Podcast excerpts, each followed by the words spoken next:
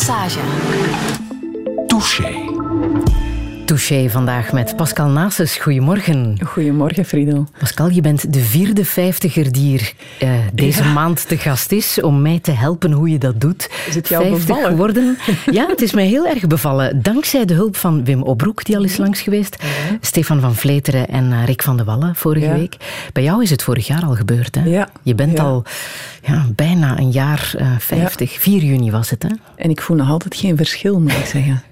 Dat troost mij. Hoe heb jij dat gedaan, dat 50 worden op die dag? Ah, ik heb wel een heel leuk feest gegeven. Ja? Een, echt een heel leuk feest. Het was echt, echt een heel leuk feest. Heb je gekookt, Ja. Pascal? Ja, ik Zelf wou- gekookt? Ja, absoluut. Ik wou zelf koken, omdat als je zelf kookt, koken is een daad van liefde. En uiteraard had ik alleen maar leuke, goede vrienden uitgenodigd. Het was niet te groot. Ik denk dat we met een eh 12, 13 waren ongeveer. En ik heb heerlijk gekookt. Ik had van de dag ervoor al alle voorbereidingen gedaan. Dus ik was vooral bij mijn gasten. Ehm, maar ik heb ook een vrij open keuken. Dus zit, wat ik zeker niet doe, is mij terugtrekken in, in de keuken. Integendeel, want ik wil bij mijn gasten zijn. En het was fantastisch. Ook de juiste muziek daarbij vind ik heel belangrijk. Ehm, ja, ik heb er echt van genoten. Absoluut. Ja. Ik wil jou eh, nu al excuseren voor ons ontbijt, want ik zie daar eh, koffiekoeken liggen waar jij niet aan geweest Nee, bent. en die andere schotel was ook al op toen ik ook geëxcuseerd had. Sorry, ze zijn al voor op. eh, de collega's die die al hebben leeggegeten. Maar voor mij is dat dus geen enkel probleem, want dat zijn, ja, dat, ik heb al een lekker fruitontbijt achter de rug. Dus ik ben helemaal voldaan. Op jouw website staat auteur en keramiste. Ja. Dat ben jij vooral. Ik wil er ook nog aan toevoegen dat je ook gewezen fotomodel bent, gewezen Ja. omroepster en Ja. eh, presentatrice bij VTM. Hoe zou je je als mens zelf omschrijven? Goh, als, als mens, dat is, een, dat, is een, dat is veel. Maar ik herinner mij wel, als het op mijn beroep aankwam, dat ik voordien, als ik werkte voor, ehm, als omroepster en zo, en mensen vroegen mij, ja, wat doe je? Dan zei ik altijd, ja, iets voor televisie of zo in het buitenland. Ja, of- alsof ik nooit een echt beroep had. En ik herinner mij eens dat toen ik ehm, dan mijn kookboeken beginnen schrijven ben, en iemand vroeg mij in het buitenland, wat doe je? En dan zei ik, ik ben een auteur, een auteur van kookboeken. En ik kwam thuis en ik was zo vol enthousiasme. Ik zei aan Paul van, ik heb een beroep. Eindelijk heb ik een echt beroep. Ik ben auteur van kookboeken. En, ehm, en dat vond ik eigenlijk een heel fijn gevoel. Maar ik ben dat ja, veel meer dan dat. Zoals gezegd, ook keramiste. Ehm, ik heb het geprobeerd om mij in één vakje te laten stoppen, bij wijze van spreken. Maar daar word ik heel ongelukkig van. Dus ik ben iemand die met heel veel dingen bezig is. Keramiek, ehm, ontwerpen ook. eh, en niet alleen van meubelen, maar ook eh, intussen nog andere zaken. Wat ik heel graag doe. Ehm, en ik ben iemand die altijd bezig is, werkelijk altijd. Ofwel, wat mij ook kan ontspannen, is een goed boek lezen. Maar dan zal het nog altijd vaak over mijn vakgebied gaan, waarbij ik het gevoel heb van, ja, ik leer iets bij. En ik ben dan altijd bezig met aan het creëren, of recepten aan het creëren, of de, de, de zaken waar ik mee bezig ben aan, aan het ontwerpen. Samen met leuke teams werk ik daar vaak aan. En ik vind het fantastisch eigenlijk hoe, hoe ik mijn leven toch een beetje ja, in die richting heb kunnen ja, een beetje duwen. En ik kan dat wel vaak zeggen aan Paul, van, dat is toch fantastisch dat dat mijn werk is. Creatief, ja, crea- creatief zijn eigenlijk. Mevrouw Paul Jambers, hoe vaak zeggen ze dat nog? Al zeggen we dat eigenlijk vroeger ook niet zo vaak gezegd. Ik vind dat ook niet zo erg. Ik heb altijd eh, gezegd, kijk, ik ben en mevrouw Nasus, maar ook mevrouw Jambers. En ik Want je hebt hem al een paar keer op. vernoemd. We zijn nauwelijks begonnen met het gesprek en hij is al een paar keer genoemd. Hè? Ja, hij maakt absoluut heel erg deel uit hè, van mijn leven. Hij, hij, hij is, ja, hij is deel van mijn lijf, bij wijze van spreken. Dat is, eh, dus hij is heel belangrijk geweest sowieso in mijn leven en nog altijd. Dus als ze me zeggen, ja, mevrouw Jambers, vind ik dat een compliment. Maar ik ben wel mevrouw Nasus, dus ik ben eigenlijk de twee. Ik ga toch een gesprek voeren met Pascal Nasus. Welkom in Touché. Dankjewel. Radio 1. Friedel Massage. Touché. What if we live to be 50 and the optimists win by a mile? Supposing we stop the starvation and slaughter and the century ends with a smile. Maybe recycling paper will bring back the forests again And maybe the five year old psychos with knives will grow up to be happy and sane. So give up your cigarettes, work out and study, and carry a packet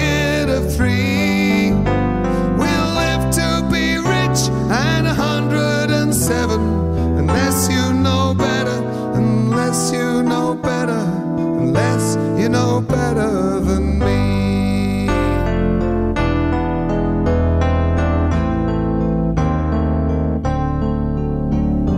What if we live to be 50 and help all the weak and oppressed? We'll cancel their debts and no one will expect us to work any harder for less. Spend our way out of recession. The West will invest in the East. So hordes of the poor never swarm at our door, demanding a share of the feast. So give up your cigarettes,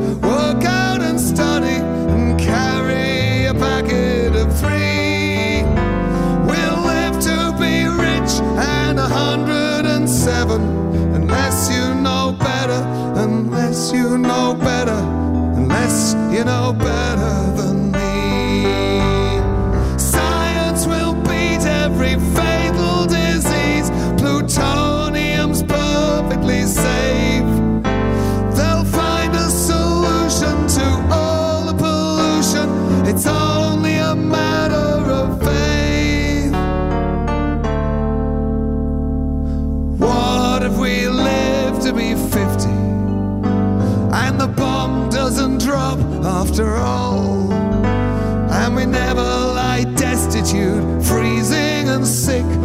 the mortar shells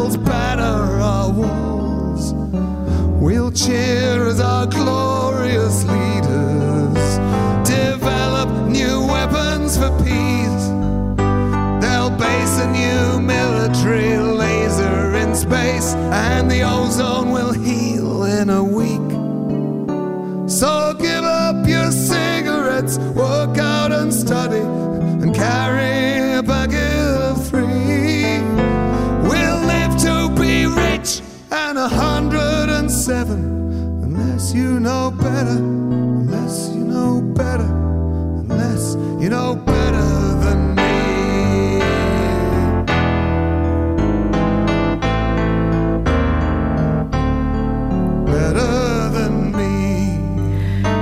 doe je dat 50 worden? 50 van Tom Robinson, hij kan het weten, want hij wordt er dit jaar 70. En eh, treedt nog altijd op, geweldig toch? Zo hoort het, hè? Ja. gewoon blijven doorgaan. Hè? Maar Pascal Nasus, vond jij het moeilijk om 50 te worden?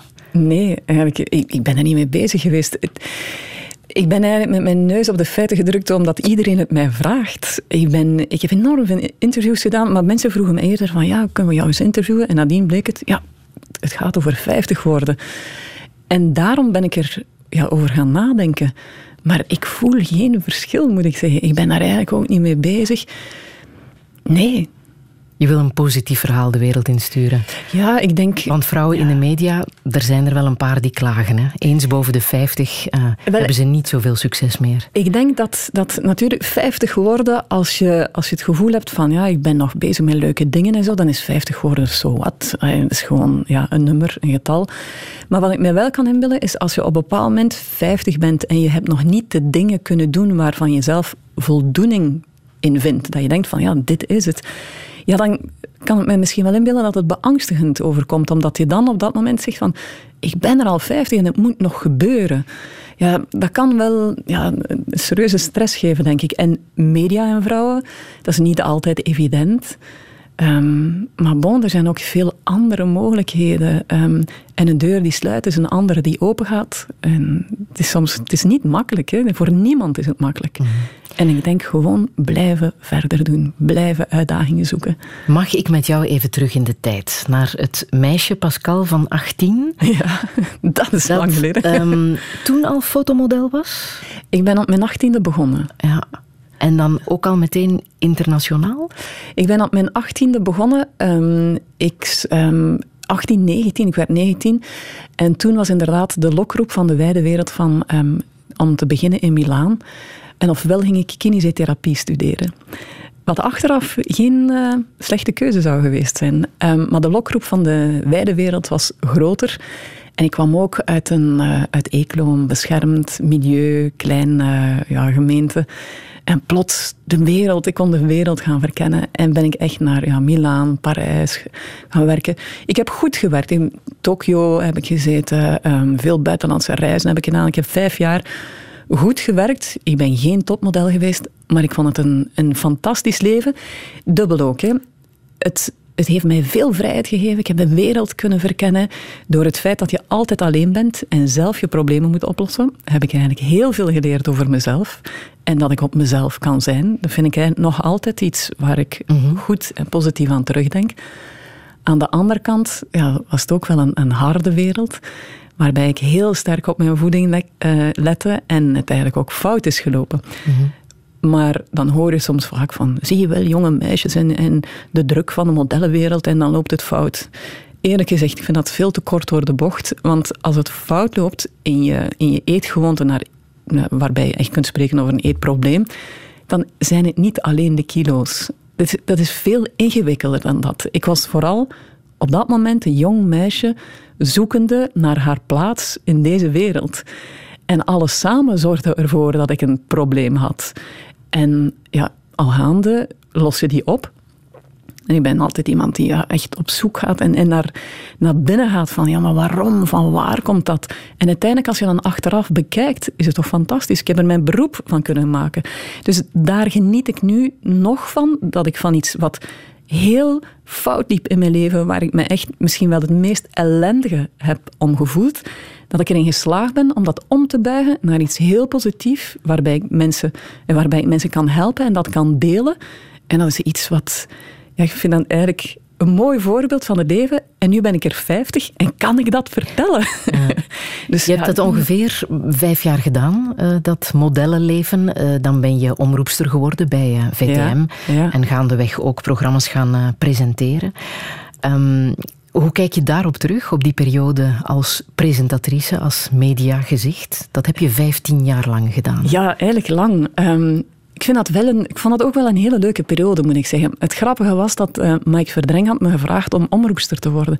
En ik wou geen omroepster worden. Ik had wie wil er nu omroepster worden? Ik had Guylaine Nuiten voor ogen, want zij was ook model geweest. En ze had een mooi programma rond mode. Dus ik dacht van, nee, dat ga ik niet doen. Omroepster, kom aan, wie wil dat nu worden? En ik had gewoon niet meer gereageerd. En een maand later belde hij van, uh, hoe zit het nu? Ga je nu toch die screentest niet komen doen? Dus ik dacht van, oh ja, ik kan het toch maar eens proberen. Dus ik heb die screentest gedaan voor, voor omroepster te worden. Ik moet zeggen, zou je die nu zien? Ik snap echt niet wat ze daar hebben gezien. ik vond het verschrikkelijk.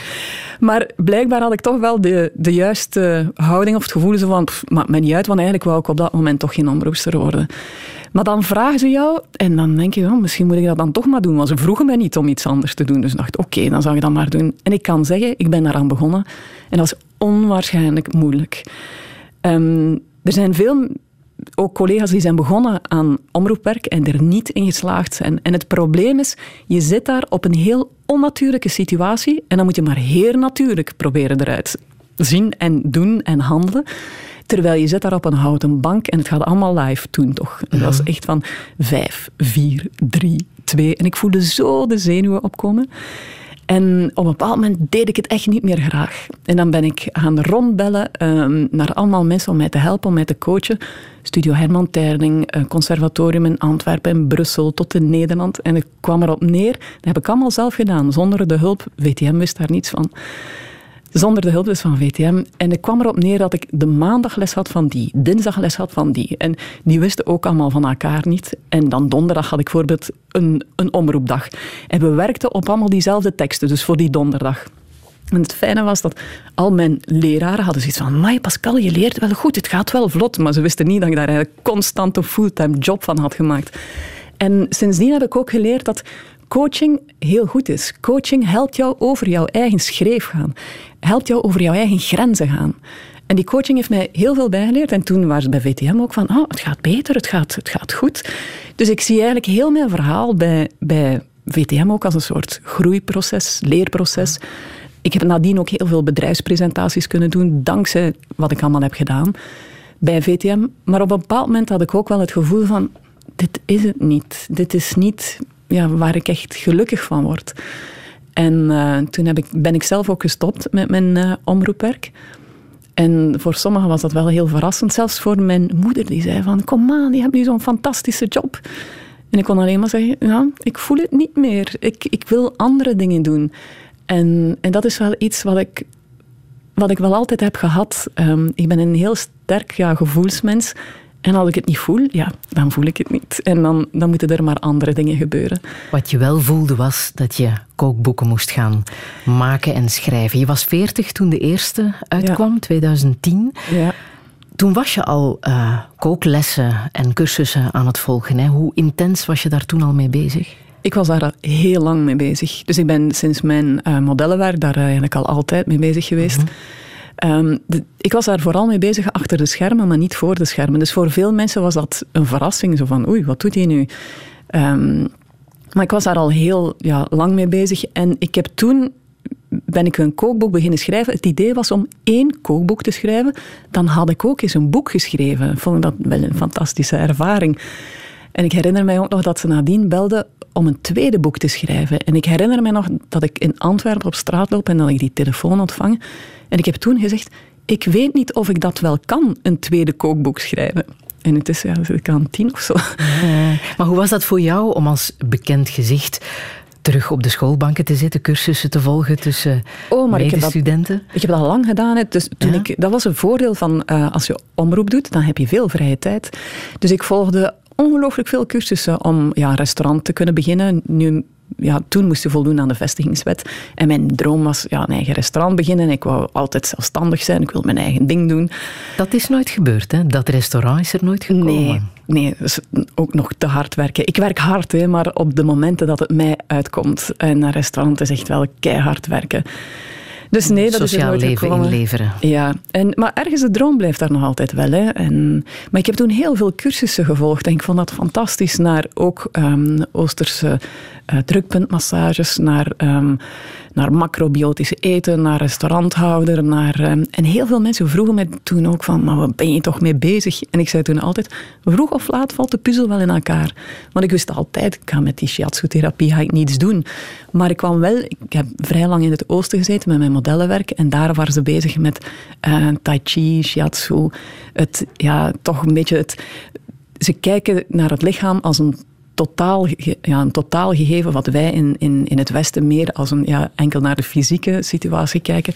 Dus ik vond dat altijd heel boeiend. En ik heb me daar ja, toen in verdiept. En met dat boek is dat ja, naar voren gekomen, naar buiten gekomen. Maar ik vind het nog altijd heel fijn om ja, cursus, ja, cursussen te volgen. En in het begin is dat soms wel lastig. En dan zeggen mensen, ah, Pascal, oh. Maar dat gaat snel over. Dat gaat snel over. De tweede les zijn ze het al vergeten. Het is niet jouw mediacarrière, maar die boeken die jouw leven hebben veranderd. Hè? Ja. Kan jij zeggen, waarom precies? Wat, wat hebben die boeken dan met jou gedaan? Absoluut. De boeken, kan ik echt zeggen, die hebben mijn leven veranderd. Um, ze hebben mijn leven veranderd omdat ik de dingen doe die ik heel graag doe. Ik ben constant aan het leren, aan het opzoekingswerk doen. Met mensen. Ik ontmoet mensen die ik heel fijn vind. Ehm, door het feit dat je die boeken moet schrijven, is altijd een soort leerproces. Die boeken hebben me al over heel de wereld gebracht. Um, er zijn behoorlijk wat vertalingen ook. Er zijn heel wat vertalingen. Um, en er zijn ook... ik heb ook het geluk gehad dat ik heel wat leuke prijzen heb gewonnen, die dan vaak in het buitenland worden uitgereikt. Er zijn ook ja, boekenbeurzen waardoor ik naar het buitenland ga. Um, Zoals, waar, waar zit je dan zoal? In welke vertalingen bestaan er zoal van jouw boeken? Ja, de, de belangrijkste vertalingen zijn uh, Engels, Duits en Frans. En er zijn er nog een aantal op komst, maar mag er nog niks over zeggen. Ah, ik wil dat in, in overleg doen met de uitgeverij. maar die Japans. heel tof zijn in die richting. um, dus ja, dan, dan ga ik af en toe wel naar daar. Vind ik natuurlijk wel fantastisch om, om dat te kunnen combineren. En zo heb ik het eigenlijk al altijd gezien, mijn leven. Het is, ik leid nu het leven dat ik eigenlijk al altijd heb gewild. Creatief zijn, vrij zijn, de wereld wat gaan verkennen en mijn eigen ding doen. En nog meer, ik ben een tijdje geleden, een paar jaar geleden, was ik in eh, Bali. Ik zou daar gewoon opnieuw kunnen beginnen. Ik zou daar exact hetzelfde kunnen doen. Met de keramiek, met... Uh, Dus, en dat geeft een, een heel vrij gevoel.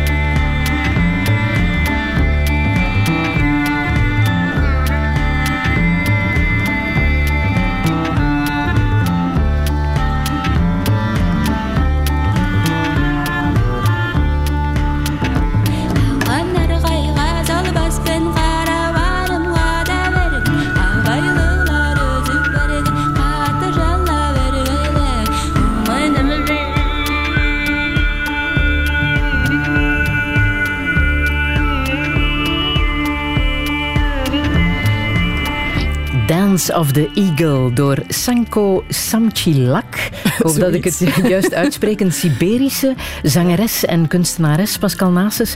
Ja, je zit helemaal enthousiast uh, te wezen terwijl we deze muziek hier uh, laten spelen. Wat raakt jou zo in, uh, in deze muziek? Ja, ik vind dat fantastisch, omdat ja, je voelt de creativiteit, de authenticiteit daarin.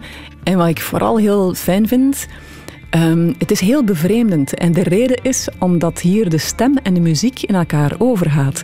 Dus je, haar stem gebruikt ze als instrument. En dat is blijkbaar een techniek daar in uh, Siberië, Noord-Mongolië, om dat te gebruiken. En dat doet zij fantastisch. En als je die haar, haar kop ziet van die vrouw. Het is echt een, ja, een, een heel artistieke vrouw. Volgens mij heb jij dit ook al eens geprobeerd. er is ooit een voorstelling geweest van mensen die eigenlijk diezelfde techniek toepasten. En was een gezamenlijke vriend die dat had georganiseerd. En de volgende dag heb ik die mensen ontmoet en heb ik toen een uh, kleine privécursus gekregen om dat toe te passen. Maar ik ga de luisteraar dat besparen. Je gaat het niet demonstreren hier. Nee. Ben jij met uh, muziek opgegroeid? Want dit is volgens mij niet de muziek die uh, thuis in nee. Eeklo destijds te horen was. Hè? Ik ben helemaal niet met muziek opgegroeid. En ik herinner me nog dat ik daar eigenlijk heel um, boos zelfs om was. Dat wij ja? geen deftige muziekinstallatie hadden. Dat, dat we daar geen belang aan hechten. En uh, ja, ik vond dat, vond dat wel ja, jammer. Nee, we waren daar helemaal niet mee bezig. Waar waren ze wel mee bezig bij, uh, bij jou thuis? Hard werken. Mm -hmm. Hard werken um, en, en een het gezin was heel belangrijk. En, en ja, een relatief klassiek, hardwerkend gezin waarbij ja, iedereen zijn best doet om het zo goed mogelijk te maken. Dat was Brouwerij Nasens. Ja, ja. ja. Een, een echte brouwersfamilie. Hè? Niet alleen jouw vader, maar het gaat verder terug in de Vier tijd. Vier generaties. Um, maar brouwerij, niet, dat werd wel genoemd, maar het was echt verkopen. Dus in die zin, wij, wij mijn over, overgrootvader die kocht dan drank aan en die moest dat dan nog op flessen trekken. En dan werd dat zo verkocht. En er bestaan nog foto's van, echt wel heel mooie uh, foto's. En mijn vader, ja, helaas is de, de laatste generatie geweest. Geen van nog mijn broer, nog ik wou dat overnemen. Was dat de bedoeling? Was dat zijn wens? Zijn wens was het niet. Hè. Het was zeker niet zijn wens, maar het was precies wel evident dat dat zou gebeuren. En Friedel, ik zou de boekhouding doen. Stel je voor. Dat is, dat is echt zo. Dat was het, dat was het idee van, ja, onze Desiree die gaat dan um, het, de, de zaak verder zetten en ons Pascal de boekhouding. Dat was zo beangstigend. Ik heb er alles aan gedaan om daaraan te ontsnappen, moet ik zeggen. Dat heb je op je eigen manier uh, in de juiste richting gedaan. Ja. Richting ik, de andere kant van de wereld. Ja, ja. en mijn vader was, en mijn moeder ook, hè, waren echt wel fier op mij. En, en mijn vader is vier jaar geleden gestorven. En ja, die vond het fantastisch wat ik allemaal deed. En dus ik denk dat hij eigenlijk heel blij was dat ik niet deed wat hij moest doen. En, maar ik heb hem altijd hard zien werken. En ik ben wel blij dat ik dat van, van thuis heb mee heb gekregen. Ik werk graag. Ik ben iemand die, die graag werkt en die echt letterlijk bergen verzet. Ik kan jij zeggen op welke manier dat jij op je vader lijkt? Um, ik, ik hoop dat ik um, op hem lijk op, um, op het vlak van... Mijn vader stond altijd met zijn twee voeten op de grond. Maakte niet uit wie er voor zijn neus stond. En die was altijd zichzelf, down to earth. Een hele um, een goed hart. Een heel ja, joviaal als persoon. Dus ik hoop dat ik dat van hem heb. Ik weet niet ja, wat ik nog echt van hem heb. Maar ik hoop ja, vooral dat. Het, is, het was vooral een soort no-nonsense man. Zo heel puur en ja, echt. Wat mij intrigeert is dat je op een bepaald moment in zijn leven um, gesprekken met hem hebt georganiseerd. Ja, Interesseert ja. mij natuurlijk wel als, als interviewer. Dat heb je heel bewust gedaan, omdat je het gevoel had dat je je eigen vader toch niet zo goed kende als je wel dacht. Mijn, mijn moeder is altijd meer een open boek geweest, terwijl mijn vader was vooral hard aan het werken. En ik had inderdaad het gevoel van, ja, ik, ik ken die eigenlijk niet zo goed. Ik, ik ken ook niet zijn verleden. Ehm, ik zit nog met heel veel vragen. En mijn vader begon dan toch al wat ziek te worden. Dus ik dacht van, ja, ik, ik, ik moet daar iets aan doen. En een aantal keren heb ik hem mee uit eten genomen en aan mijn moeder gezegd, sorry, je mag niet mee. Ze vond dat aan de ene kant heel leuk. Aan de andere kant wellicht denk ik niet zo leuk. Want ik kwam die echt ophalen en dan gingen we samen gaan eten. Ehm, maar vrij lang. En dat waren uitgebreide etentjes. Waar soms ook wel drank vloeide, wat ik niet erg vond. Ehm, en dat waren heel leuke, fijne momenten. Ik ben onwaarschijnlijk blij dat ik dat heb gedaan. En ik kan En het echt ja. iedereen aanraden. Wat heb, ben je dan nog te weten gekomen dat je niet wist? Het zijn allemaal interviews. Dat ik echt gewoon, dat was in het begin trouwens heel vreemd. Dus ik zat daar met mijn eigen vader zo van, ja, ehm, ehm, ja, hoe zit dat dan? En, en vooral familiebanden, ehm, hoe, waarom hij in het leven stond op die manier, wat er gebeurd is toen. Ehm, mijn vader is zijn moeder verloren toen hij zes jaar was. Welke impact heeft dat op hem gehad? Hoe zit dat zo? Ja, echt de, de, de familieverhalen. Hè, van, en vooral, ja, wat heeft dat met hem gedaan? En, en we hebben vooral over zijn gevoelens ook gesproken. En tot mijn grote verrassing had hij daar geen enkel probleem mee. Integendeel. Dus dat, dat was eigenlijk vrij verrassend. En hij sprak heel open. En, en dat vond ik echt bijzonder fijn. Heel Mm. Ook over zijn ziek zijn? Over alles. En hij, hij sprak heel open over alles. En dat vond, ik, dat vond ik verrassend dat hij dat deed. Dat had ik niet echt verwacht. Hielp het dan ook om afscheid te nemen? Absoluut. Omdat het moment dat, ja, dat er eigenlijk afscheid moest genomen worden, moest er niets meer verteld worden. En, en dat is het mooiste. Dus alleen daar zijn, elkaars hand vasthouden, in elkaars ogen kijken.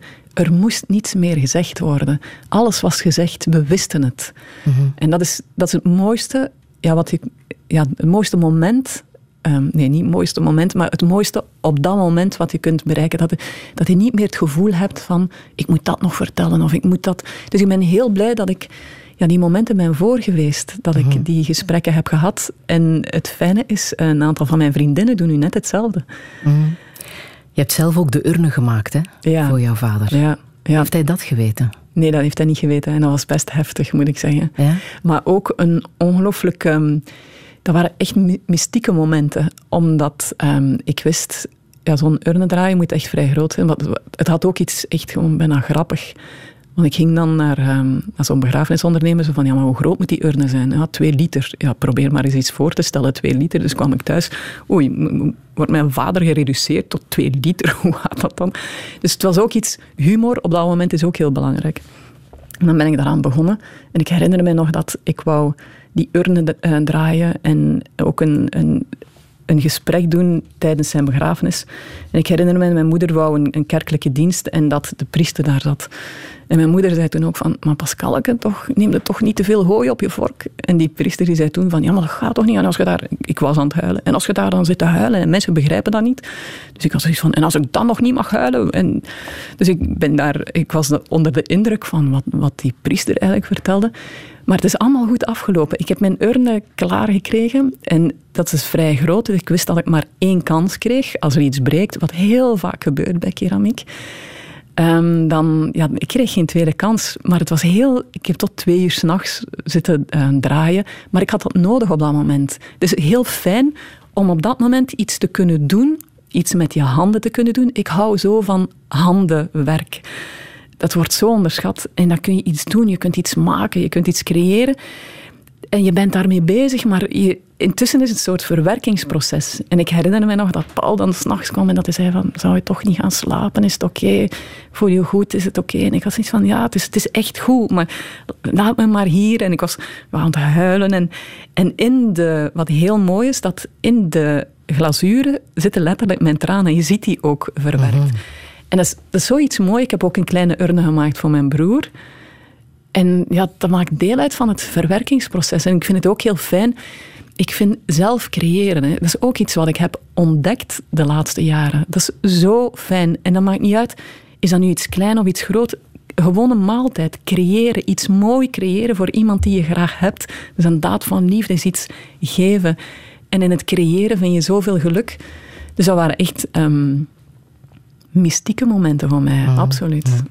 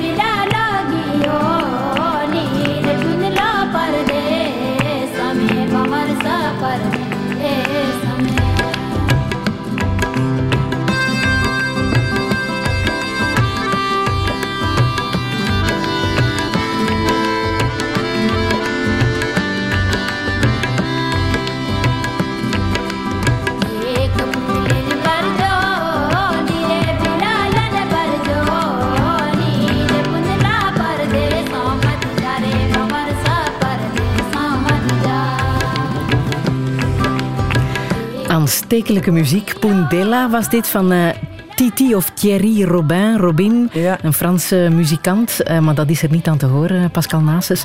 Dit is voor jou heel aanstekelijke muziek. Hè? Wanneer speel je dit? Ik vind dat fantastisch, die muziek. Ik speel dat vaak als ik aan het koken ben, thuis, alleen. Dan zet ik die muziek keihard. en dan, ja, ik vind dat tof om zo te koken. En terwijl een beetje mee te dansen. En uh, dat is heel fijn. Ja. Pascal, de eerste keer dat onze levens elkaar hebben gekruist, ja. Dat moet um, meer dan 25 jaar geleden zijn. Ik denk dat we beide beginnen, begin de twintig waren, jonge twintigers. Op een feestje van jouw broer, Desiree, ja. in Eeklo. In de Blokket? Eh, dat weet ik niet meer. ik heb wel veel feestjes gegeven en één daarvan was daar.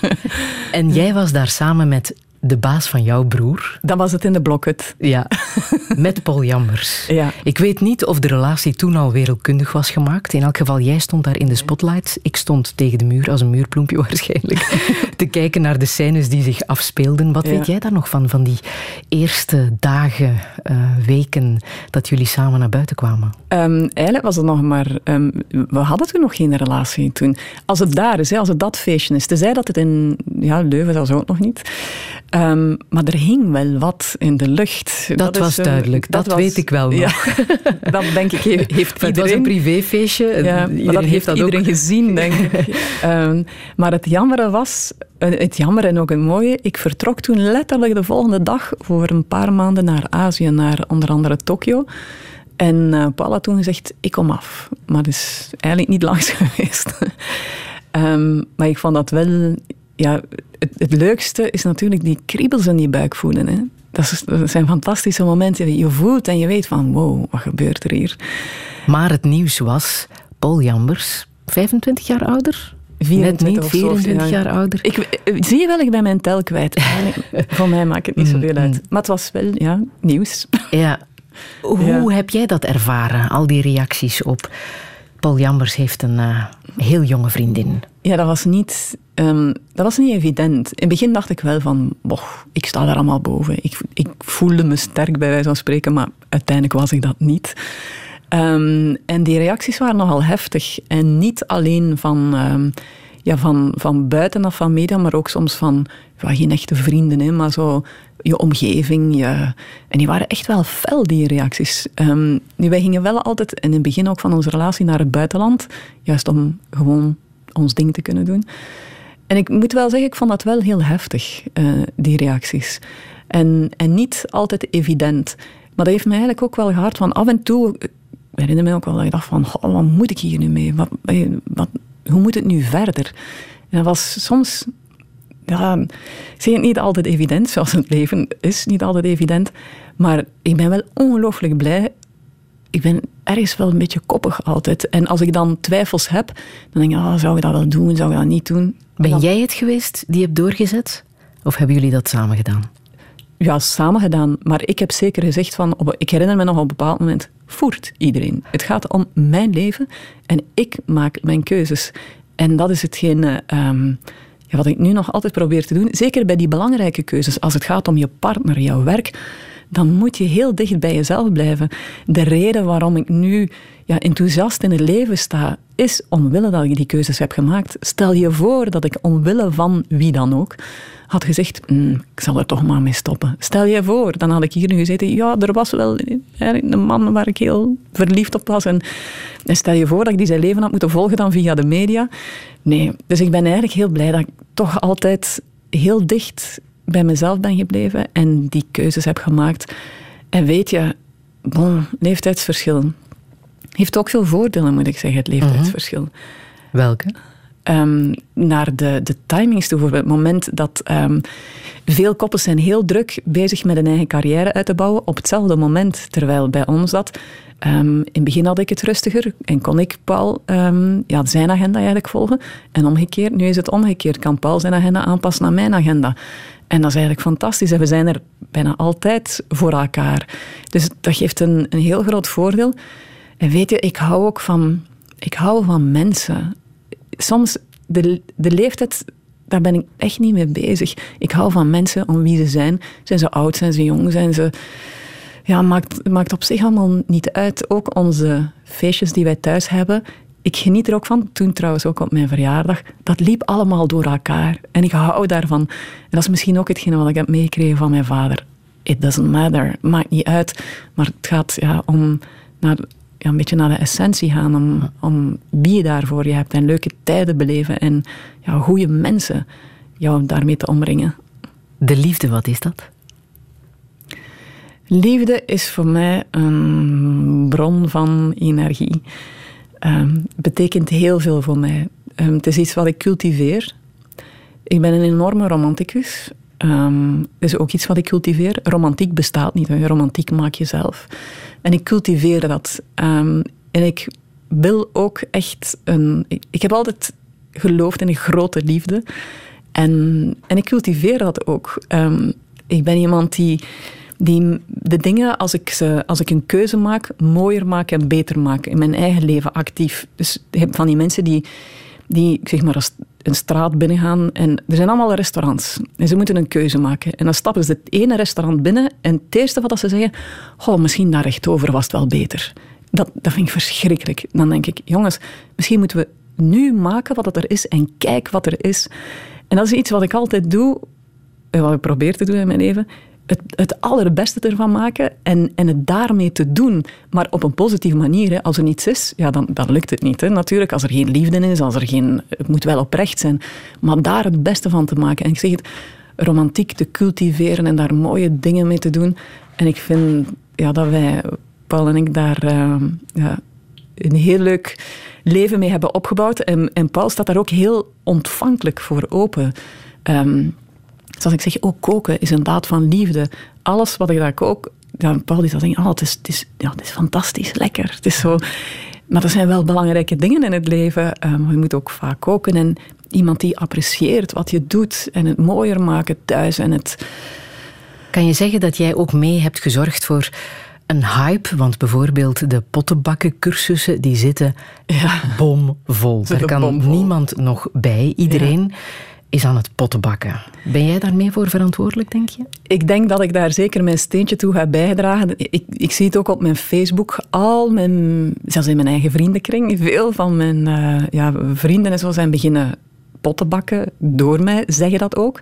Veel mensen zeggen mij dat ook. Dus ik heb zeker mijn steentje ook bijgedragen. Nu, het is wel ook wereldwijd, zie je dat. Dus ja, daar zit ik uiteraard voor niets tussen. Maar ik denk dat het terug een, een, een gang is naar letterlijk met je handen in, in de aarde te zitten. En dat we dat wel nodig hebben. We kunnen dat wel gebruiken. Hoe is het bij jou begonnen? Dat de liefde voor het pottenbakken? Ik herinner me dat uh, we waren in Tunesië en toen um, ben ik een vrouw tegengekomen, Tabia, en zij maakte gebruiksvoorwerpen en kleine kunstwerken. En ik herinner me de manier waarop ik naar haar keek, dat sloeg echt letterlijk in mijn buik. Ik was zo stik jaloers. En ik zei dat meteen van, dit wil ik ook kunnen. En wat ik ook fantastisch vond, die vrouw, ze was niet getrouwd. Ik denk dat ze mijn leeftijd uh, moet hebben gehad. En was toen al in de dertig.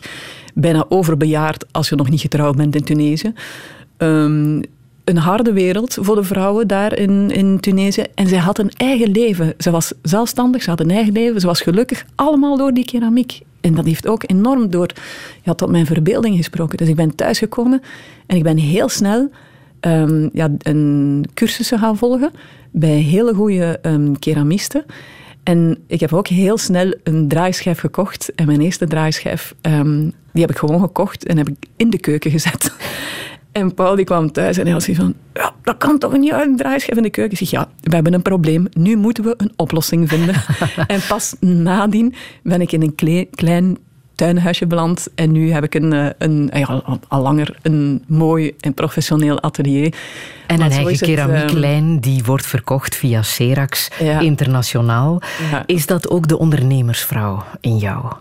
Het blijft niet bij potjes bakken alleen, hè, als jij aan het ergens, begint. Ja, ergens wel. Maar ik kan wel zeggen, ik heb nooit een plan. Ik begin aan iets en toen ik ben begonnen, dacht ik niet van, ja, ik ga dan later en, en dan kan ik daar eventueel een pottenlijn mee beginnen.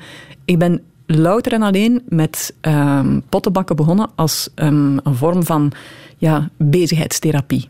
Niet meer dan dat. Maar ik ben wel iemand die, het moment dat ik mogelijkheden zie, dan denk ik, oh, maar hier kunnen we meer mee. Dus eigenlijk het idee is, je moet jezelf ontplooien. Dat is mhm. eigenlijk iets wat ik vooral ook jonge mensen kan Um, maar mogelijkheden, denk je dan financiële mogelijkheden? Ja, dus Eerst, moet je, eerst moet je natuurlijk jezelf ontplooien, zien waar je talenten liggen. Dat is denk ik het moeilijkste. Als je jong bent, ik heb er heel lang over gedaan om te weten. Ik dacht dat ik geen talenten had. Ik, ik herinner me nog, ik, ik was daarnaar op zoek en ik dacht, ik heb geen talenten. En ik ben blijven, blijven zoeken. En uiteindelijk ja, begin je dan ja, met kleine dingen. Dat was echt bezigheidstherapie. Maar ik wou dat heel snel kunnen, um, goed kunnen, professioneel eigenlijk kunnen. Dus ik, ik heb wel die drive gehad vrij snel van ik wil dat goed kunnen. Voor mij geen scheve, sympathieke potjes, ik moet dat goed doen. En dan, het moment dat je ziet van, ah, maar er is wel, eh, het begint wel goed te komen, dan ben ik zelf inderdaad naar Serax gestapt en gevraagd van, kijk, mag ik jullie mijn werk komen voorstellen? En van het ene is wel het andere gekomen. Dus je moet wel mogelijkheden zien, maar het begint met eerst je eigen talenten zoeken en ontwikkelen en keihard voor werken dat je er iets kunt mee doen. Nasus en Jambers zijn samen 11 miljoen euro waard. Klopt dat? Nee, dat klopt niet. Dat is, zijn echt cijfers uit de lucht gegrepen die absoluut niet kloppen. En ieder jaar komt er dan weer zo'n cijfer dat naar boven, wat echt niet klopt. Nee.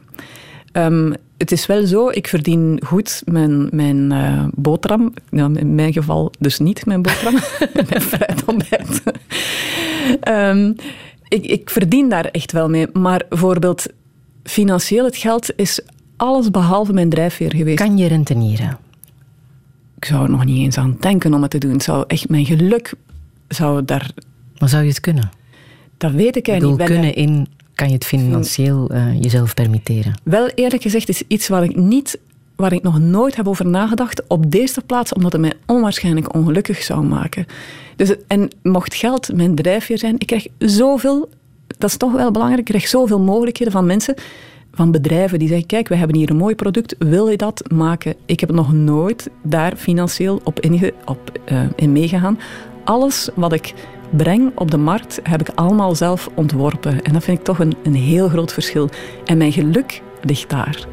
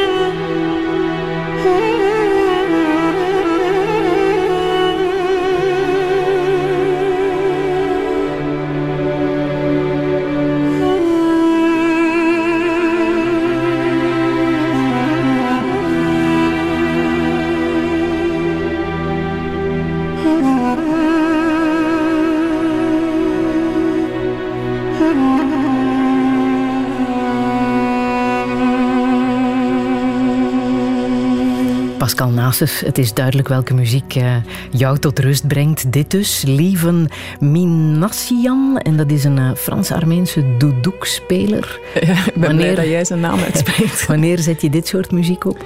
Oh, dat is um, als ik in, uh, in bad zit. Um, als ik in het bos loop.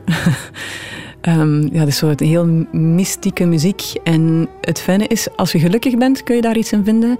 En als je triest bent, kun je daar ook soelaas in vinden. Ja, Um, ik speel op het einde van, uh, de uit, van het eerste uur altijd filmmuziek. Het verbaast mij niks dat we muziek uit uh, de film Frida laten horen. Um, de film van Salma Hayek van uh, 2002. Waarom heeft dat verhaal jou zo geraakt? Het verhaal van Frida Kahlo, de Mexicaanse kunstenares. Ja, het, het persoonlijke verhaal, de tragedie Um, de, de, mooie kleuren, ook de film aan zich, de, de mooie Mexicaanse ja, felle kleuren daarin, de muziek. De film was fantastisch en het alles klopt gewoon. Het verhaal van Frida Kahlo is bijzonder tragisch, maar een, een bijzonder sterke vrouw die een eigen wil had en, en van alles ondernam.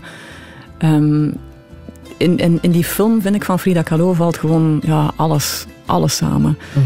Waar ik van hou. De muziek, de figuur, authenticiteit. Ze is ehm, slechts 47 geworden, hè? maar toch wat een carrière, wat een leven. En, en nu nog altijd hè, wordt ze enorm ja, op handen gedragen. En vooral door jonge meisjes, wat ik echt heel fijn vind. Omdat ja, veel jonge meisjes vinden daar ja, inspiratie in. En zeggen van, ja, ik wil ook later een, ja, een, een sterke vrouw worden. Iets ze is ook bijzonder creatief bezig geweest. Dus ja, dat, dat inspireert natuurlijk wel. Is het ook de figuur van Selma Hayek, die van deze film haar levensproject heeft gemaakt, de film ook uh, zelf heeft gespeeld, hè? zij was Frida Kahlo, dat jou uh, aanspreekt? Ik, ik denk het wel. Ik, ik ken haar andere ja, um, acteerprestaties niet zo goed, maar dit was een sublieme acteerprestatie. En ik vind wel een hele toffe, mooie vrouw ook. Maar het is niet zo dat ik haar werk volg. Mhm. Ik denk dat toch vooral het verhaal van Frida Kahlo. Ik heb ook een paar boeken liggen. En niet dat ik dat allemaal zo bestudeer, maar het hebben van die mooie boeken en daar af en toe eens kunnen en kijken, is, geeft zo'n fijn gevoel. Salma Hayek is ver gegaan. Hè? Ja. Eh, ze werkte samen met Weinstein aan deze film. Ja, heeft ik, uh, zich behoorlijk moeten laten chanteren, waar ze pas achteraf naar buiten is gekomen met, uh, met dat verhaal. Zou jij zo ver gegaan zijn? Ik zou, ik zou nooit over mijn grenzen gaan. Ook als model kom je van alles tegen. Hè. Ik ben nooit over mijn grenzen gegaan. Ik zal dat nooit doen. En dan mag nog de mooiste film daar. Uh, dat zou ik niet doen. Ik zou dan... ooit gedwongen geweest? Als je gedwongen wordt, of, ja, dan, is het, gaan. dan is het iets anders natuurlijk. Maar dan spreken we eigenlijk over verkrachting. Dat is een totaal andere. Um, maar als je het hebt over MeToo, ik zou nooit over mijn grenzen gaan. Ze hebben jou nooit dingen gevraagd. Ze hebben mij veel dingen gevraagd. Ik die heb niet nooit. Wou doen. Ja, ze hebben mij veel dingen gevraagd die ik niet wou doen. Maar ja, het is maar hoe. Nee gezegd. Voilà. Ah. Mhm. Nog heel even de muziek. Ah, de muziek is afgelopen. Dan kunnen we nog heel even praten. Ja. ja nu wil ik wel weten wat ze jou natuurlijk hebben proberen te laten doen. Als je, jong, als je een jonge vrouw bent en je, je, en je werkt in een modellenwereld en je verkent de wereld, ja, de wereld is, die, die ga je niet veranderen. Hè. Dat is altijd zo, maar het is maar hoe je, ja, hoe je, hoe je ermee omgaat. Natuurlijk wel, er is een heel groot verschil tussen... Um, ja, MeToo, het verhaal en, en, en ja, de voorstellen die je krijgt. Um, dan wanneer iemand echt over de grenzen gaat en jou um, dwingt of zeg maar, iets in jouw drang doet, dan ben je daar niet tegen gewapend uiteraard. Radio 1. 1. Friedel Massage. Touché. Touché met Pascal Nases, auteur, keramiste, maar vooral ervaringsdeskundige als het op 50 worden aankomt. Ze was nauwelijks 18 toen ze als internationaal fotomodel de wereld rondreisde. 15 jaar lang was ze schermgezicht van de commerciële zender VTM. Ze maakte televisieprogramma's met en zonder haar man Paul Jambers, maar het was wachten tot haar 40ste, tot ze vond waar ze al die jaren naar had gezocht. Haar pure levenswijze van gezond eten en sfeervol tafelen kunnen delen met haar lezers. Ondertussen zijn we tien jaar en twaalf boeken verder en ligt er nog een heel leven voor haar. Rentenieren, daar denkt ze niet aan, maar wat wordt het dan wel? Hoe ziet ze zichzelf oud worden? Dit is Touché met Pascal Nases. Een zeer goede middag.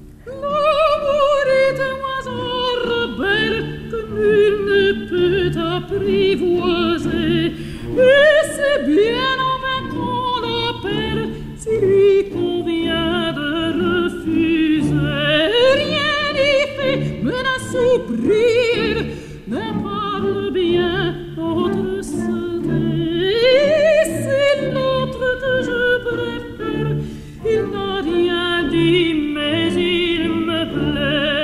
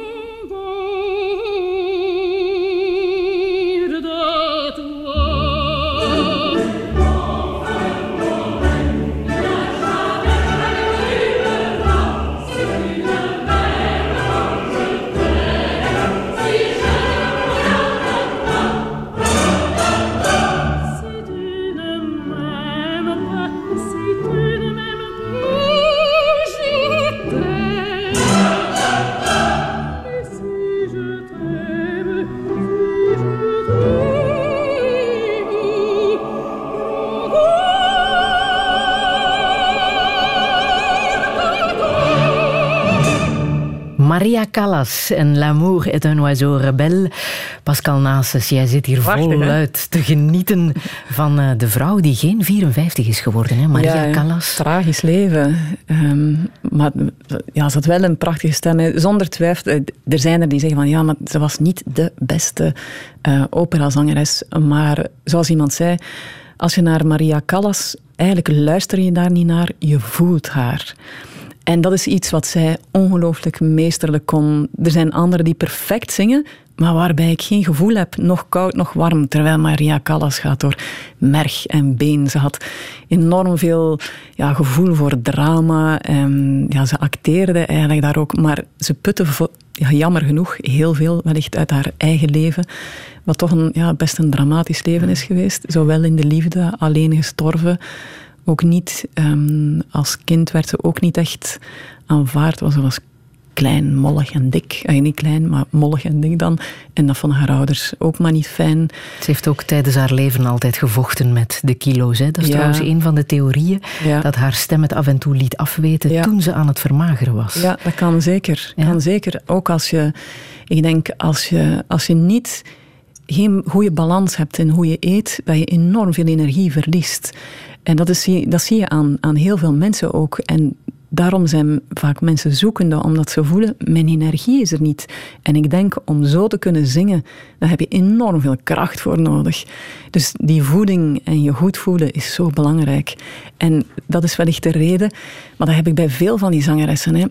Wat drama in het leven is niet slecht. Hè. Als je, jammer genoeg, ja, de creatieve richting uitgaat... Mhm dan, dan ja, geeft kleur en klank en diepgang in het leven. Alleen, ja, zij heeft echt wel veel drama meegemaakt. Dus dat is, dat is wel heel jammer. Hoe volg jij het nieuws met iemand als Paul Jambers aan eh, de keukentafel? Is hij jouw gids als het gaat over nieuwsbronnen volgen? Um, ik volg het nieuws via Twitter. Um, ik moet ook toegeven dat ik me een paar jaar al um, Paul die koopt alle kranten en toen las ik daar ook um, heel vaak in alle kranten. Maar ik heb me daarvoor afgeschermd. Ja? Ik ben een die dus, ja, zich afschermt daarvoor omdat er, ik vind dat er veel te veel gekleurd nieuws wordt verteld. En, en dan ja, ga je daar automatisch toch in mee. Dus ik heb liever alleen de feiten. Ik wil wel op de hoogte blijven. Ik wil echt, ik wil alles weten. Eh, alles. Ik wil de belangrijke dingen weten. Dus ik wil op de hoogte blijven zonder twijfel, Paul is zeker ook een bron. Maar Twitter vind ik eigenlijk heel leuk wat nieuws betreft, omdat dat vaak gewoon naar de essentie gaat ben, je hiervan, ben je hiervan op de hoogte? Dit stond uh, afgelopen maand uh, te lezen. Het keto-dieet werd door US eh, News en World Report bestempeld als een van de slechtste manieren om af te vallen in 2020. Ja. Het keto-dieet, dat is het, ik mag het aan jou vragen natuurlijk, het dieet waar je snelle koolhydraten zoals brood en pasta weglaat. Mm Vooral vette voeding tot jou neemt. Voor alle duidelijkheid, dat is niet het dieet waar ik voor sta. Mijn manier van eten is gematigd koolhydraatarm. Dat wil eigenlijk zeggen dat je de snelle koolhydraten, brood, pasta, aardappelen, weglaat, maar wel de goede koolhydraten neemt. Dus in die zin, zeg maar, fruit, kikkererwten, linzen, de trage koolhydraten. Dus je zou ook kunnen zeggen, mijn manier van eten is koolhydraatselectief. Maar het is wel zo, in, in mei kom ik uit met een boek over keto, omdat er heel veel misverstanden over um, bestaan, vond ik. En zeker ook naar de, mijn publiek. Maar is het het slechtste dieet dat je kan volgen voor dit jaar? Trouwens, een, um, een wetenschapper die op die manier spreekt, is eigenlijk geen, um, vind ik niet echt de termen die een wetenschapper zou kunnen gebruiken. Het slechtste dieet. Dat is niet de manier um, ja, waarop er over een dieet überhaupt zou moeten gesproken worden. Dus ik heb mijn het is wel zo, het is een vrij technisch dieet. Daarom heb ik ook um, het samengeschreven met twee deskundigen, professor Hanno Peil en uh, William Kortvriend. Maar je moet eigenlijk weten van waar het komt. Het dieet is in de tijd, al bijna 100 jaar geleden, samengesteld of gevonden, bij wijze van spreken, om mensen die epilepsie hebben te, te helpen. Als mensen die epilepsie hebben op die manier eten, dan krijgen ze of geen in het beste geval aanvallen meer of veel minder. Omdat het, als je ketogeen eet, dan um, heb jou, krijg jouw hersenen een andere energiebron. Ketonen, vandaar dus het ketogeen dieet. Dus het, het heeft zeker zijn verdiensten. Het is van daaruit vertrokken. Dan is het vertrokken van um, daaruit verder voor mensen te helpen die diabetes type 2 hadden. Als je op die manier dat wil zeggen dat je heel laag gaat in je koolhydraten, waardoor je heel weinig insuline nodig hebt. Dus heel veel mensen die diabetes type 2 hebben, die zijn daar ook mee gebaat. Um, en dan hebben we gezien dat je daar ook heel veel van afvalt. En in die zin is het populair geworden om ook af te vallen. Ik denk dat het ketogene dieet zeker zijn verdiensten heeft wanneer het kort wordt toegepast. Um, en ik vond het heel boeiend om daarover te schrijven, maar je moet echt heel goed weten waar je mee bezig bent. Heb je het uitgetest? Ik, ja, ik heb het uitgetest. Al, al, het ketogene of ketogene recepten is niet iets nieuw voor mij. Al in mijn eerste boek staan ketogene recepten. Um, maar ik ben wel nu ook om het boek te schrijven in een constante ketosis geweest. Um, om daar ook ja, beter te kunnen over schrijven. Maar in dat boek, ja, ik merk geen verschil, moet ik zeggen. Alleen behalve dat ik een, een veel restrictiever um, dieet vind. Dus als iemand een ketogeen dieet wil volgen, heeft hij daar een goede reden voor. Dus ketogeen, volgens mij, doe je niet echt op lange termijn. Tenzij je epilepsie hebt. Mhm. Tenzij je diabetes type 2 hebt. En dan moet je, kun je ketogeen dieet gaan volgen en misschien overschakelen naar mijn manier van eten. Nadien gematigd koolhydraatarm. Sommigen wel, sommigen niet. Dus wat, wat eigenlijk jammer is, wat um, wordt voorgesteld, is een ketogeen dieet volgen, dat doe je niet voor je plezier. Dat doe je omdat je gezondheidsredenen hebt. Dus eigenlijk de, de, de belangrijkste vraag is, waarom zou iemand dat willen volgen? En je kunt maar beter ja, weten waar je mee bezig bent. En omdat het een vrij technisch, vind ik, dieet... Het is echt een dieet. Mijn manier van eten is alles behalve een dieet. Maar dat... noemt het uh, een methode of een... Uh, wat is jouw favoriete woord om jouw manier van koken uit te leggen? Eigenlijk zou dat woord het... dieet, daar ben je allergisch aan. Daar ben ik allergisch Eigenlijk zou ik eerder kunnen zeggen, het is een, een normale manier van eten. Stel dat, wij, dat je mijn manier van eten een paar, ja, 500 jaar geleden... Um, Eigenlijk zou je kunnen zeggen, dat is wellicht de dieet, of het dieet, de manier waarop mensen terug naar 500, de basis. terug naar de basis. Uiteindelijk, we staan er niet meer bij stil, maar al die nieuwe voeding die er is gekomen, zijn vooral ja, gemaakt vaak uit koolhydraten, geraffineerde koolhydraten. Nu vinden wij dat normaal, maar iemand die ehm, een paar honderd jaar geleden was dat alles behalve normaal. Um, zoveel aardappelen, en die, zeker die grote gebloemde aardappelen. En stel nu nog dat we af en toe maar eens een aardappel zouden eten. Op zich geen probleem, zoals je bloemkool eet. Geen enkel probleem. Maar het is en de aardappel, en het brood, en de koekjes, en de ijscream, en de... Ja, want jouw methode voor de mensen die nu even van Mars overkomen gevlogen en daar nog nooit van gehoord hebben, ik, het zijn er weinig, maar toch? Ja, het zijn er weinig, denk ik. Mhm. Ja, maar je combineert, het gaat voor jou over combinaties die je. Nee, dat is eigenlijk een, een, een methode. Wat mijn manier van eten is, is vooral vers, onbewerkt. En als je naar verse producten gaat, ja, brood zit er al niet tussen. Is eigenlijk al een, en ik zeg het weet je, ik wil de discussie wel aangaan, maar vaak wordt er over details um, gediscussieerd. En, en dan denk ik, ja, uiteindelijk moet je het, het globale beeld bekijken. Waar ik voor sta, is vooral vers eten, vooral veel groente eten, matig met snelle koolhydraten. En, eh, en dat is het eigenlijk. En geen angst hebben van vetten. En de methode om dat toe te passen in het dagelijkse leven, daar heb ik een methode voor gevonden. Gewoon dat, en vandaar ook de combinaties om het toe te passen. Maar dat is niet de theorie. En ja, velen springen natuurlijk op die theorie, op, op de methode. Maar dat, is juist, dat zijn de handvaten die ik geef aan mensen van kijk, als je het op die manier doet, daar ligt de lijn. En voor mensen is dat heel duidelijk. Maar het komt erop neer van eet vers, Wees voorzichtig met die snelle koolhydraten en heb geen angst van vet. En dan zie je dat heel veel mensen zich daar heel veel beter mee voeden. En als je het mij vraagt, noem ik dit liever normale voeding en onze westerse manier van eten met heel veel snelle koolhydraten. Ja, daar ligt eigenlijk het probleem. Als je ziet dat ook meer dan de helft van de Belgen overgewicht heeft, ja, dan mogen we wel spreken dat er iets fout loopt. In september 2017 is de klassieke voedseldriehoek omgedraaid, eh, aangepast. Nota bene op de 50ste verjaardag van uh, de voedseldriehoek. Um, was dat een overwinning voor jou?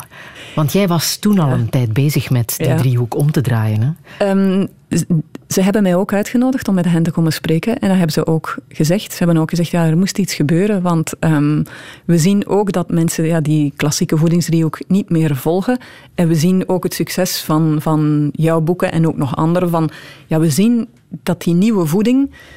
Um, ja, dat het anders kan. En we hebben een heel fijn, constructief gesprek gehad. Trouwens, ik heb hen vorige week nog uh, aan de lijn ook gehad. En het is altijd bijzonder fijn, heel constructief en aangenaam om met hen te spreken. Dus daar is geen conflict. Is de kritiek ook geluwd met de bevestiging dat de voedseldriehoek ja. omgekeerd beter rendeert? Ja, de, de kritiek is absoluut geluwd. Het grappige is, ik doe intussen al tien jaar hetzelfde. En in het begin zie je dat... In het begin was ik... Ja, toen ik begon, vond iedereen... Oh, dat is sympathiek. Oh, dat is leuk. Oh, kijk, ze doet dus iets anders. Oh, die boeken, dus wel... Pas dan, na het derde boek, dachten ze van... Oei, maar het is eigenlijk wel bezig met iets wat nog impact heeft ook. Ze heeft succes. Ze heeft succes. En dan het succes erbij. En dan is ook de kritiek gekomen. En toch serieus wat kritiek. Maar intussen doe ik nog altijd hetzelfde. En de kritiek is geduwd. En ik doe nog altijd hetzelfde. En, en het lukt nog altijd. Dus ja, zie ik dat wel als een soort overwinning. Er is niets veranderd. Wat is veranderd is de mentaliteit van heel veel mensen, ook van media, ook van Bijvoorbeeld koolhydraatarm kan al uitgesproken worden zonder dat mensen zich daarin verslikken. Bijvoorbeeld dat wij het nu kunnen hebben over een ketogeen dieet. Wauw, ik vind dat echt een hele grote stap. En ik denk wat we, wat we mensen hebben bijgebracht is dat we moeten kunnen genuanceerd spreken over. Het is niet of het ketogeen dieet of een andere manier van eten. Het is niet of. Het is vaak en en. Dus we moeten kunnen genuanceerd spreken over voeding. En ik denk dat dat de uitdaging is, en zeker van deskundigen. En ook, ik nodig de media uit om daar ja, genuanceerd over te spreken. En het idee, dat vind ik eigenlijk nog veel belangrijk. Belangrijker, het idee dat iedereen volgens éénzelfde model zou moeten eten, dat is pas achterhaald. We zijn helemaal verschillend. De een reageert goed daarop, de andere daarop. Ben je man, ben je vrouw, ben je kind, dan heb je allemaal een andere manier van eten nodig. Dus in die zin waar ik voor pleit, is dat mensen zelf het heft in eigen handen nemen, op zoek gaan, veel dichter weer bij die voeding staan, beseffen wat ze eten, daarover lezen en voelen wat hen ja, gelukkig maakt en wat hen um, ja, het best bij hen past. Wim Obroek was eh, de eerste vijftiger in deze reeks die uh, hier is langsgekomen, uh, de acteur. Um, hij volgt het FDH-dieet. Ken je dat? dat? Fretten de helft of zoiets? is zoiets niet? Ja. Alles, alles de Past helft bij fretten. hem, hè? Fret de helft. Je fret de helft. Ja. Maar dus, dus wel echt een goede regel, hoor. Ja? Als je dat kan. Er zijn weinig mensen die dat kunnen, omdat ze dan het gevoel van honger hebben. Maar het is eerlijk gezegd een goede regel. Ja. Dus als, en zeker als het werkt voor hem, fantastisch. Ja. Pascal, eerlijk, je hebt toch ook een guilty pleasure?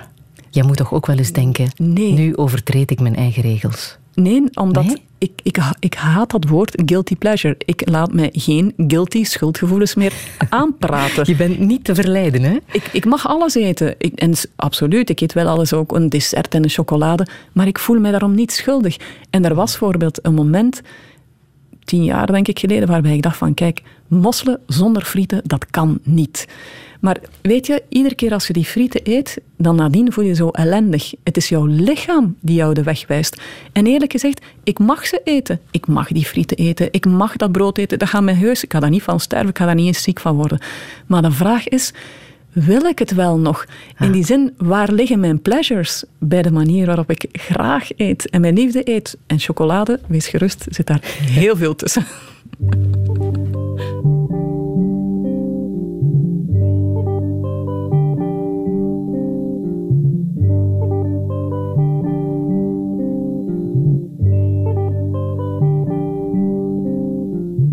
Todo pasa y todo queda, pero lo nuestro es pasar, pasar haciendo caminos, caminos sobre la mar.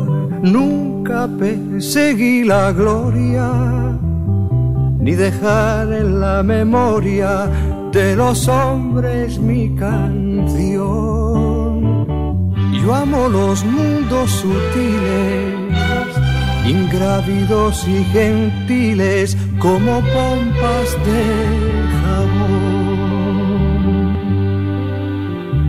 Me gusta verlos pintarse de sol y grana volar bajo el cielo azul, temblar súbitamente y quebrarse. Nunca perseguí la gloria.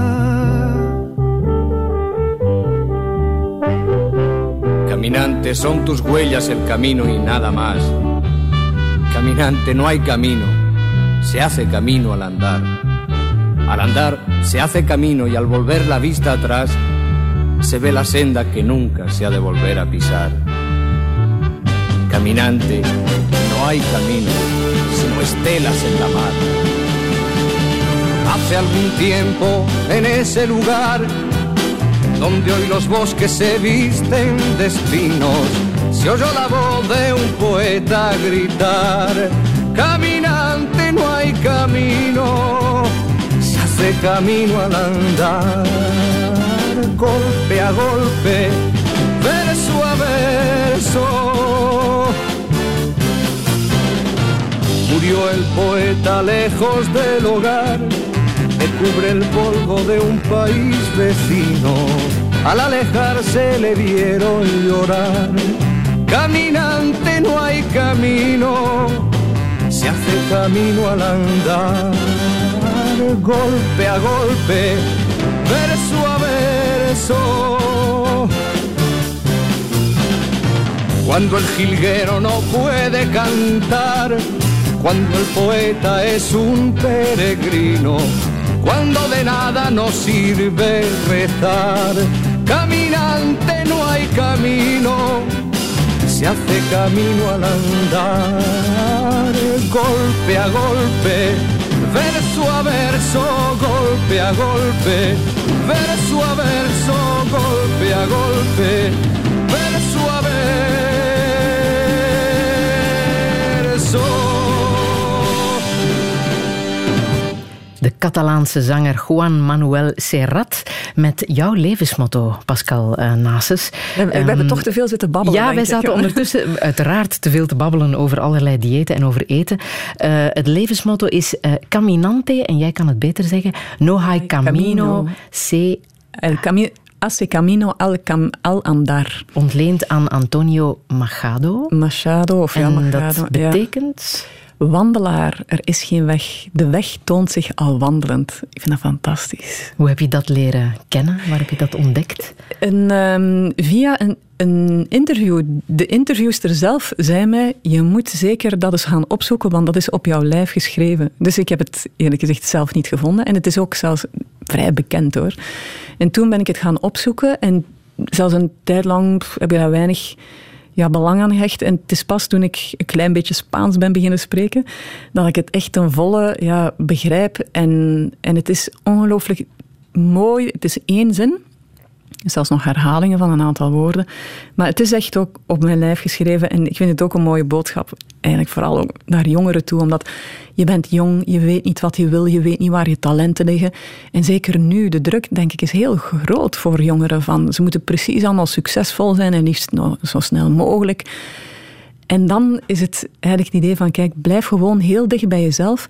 En denk al niet van, binnen een paar jaar wil ik daar staan of daar staan. Dat heb ik ook nooit gedacht. Ik heb, zoals ik zei, met mijn keramiek, ik heb nooit gedacht van, en dan kan ik later dat daar mee bereiken en dat doen.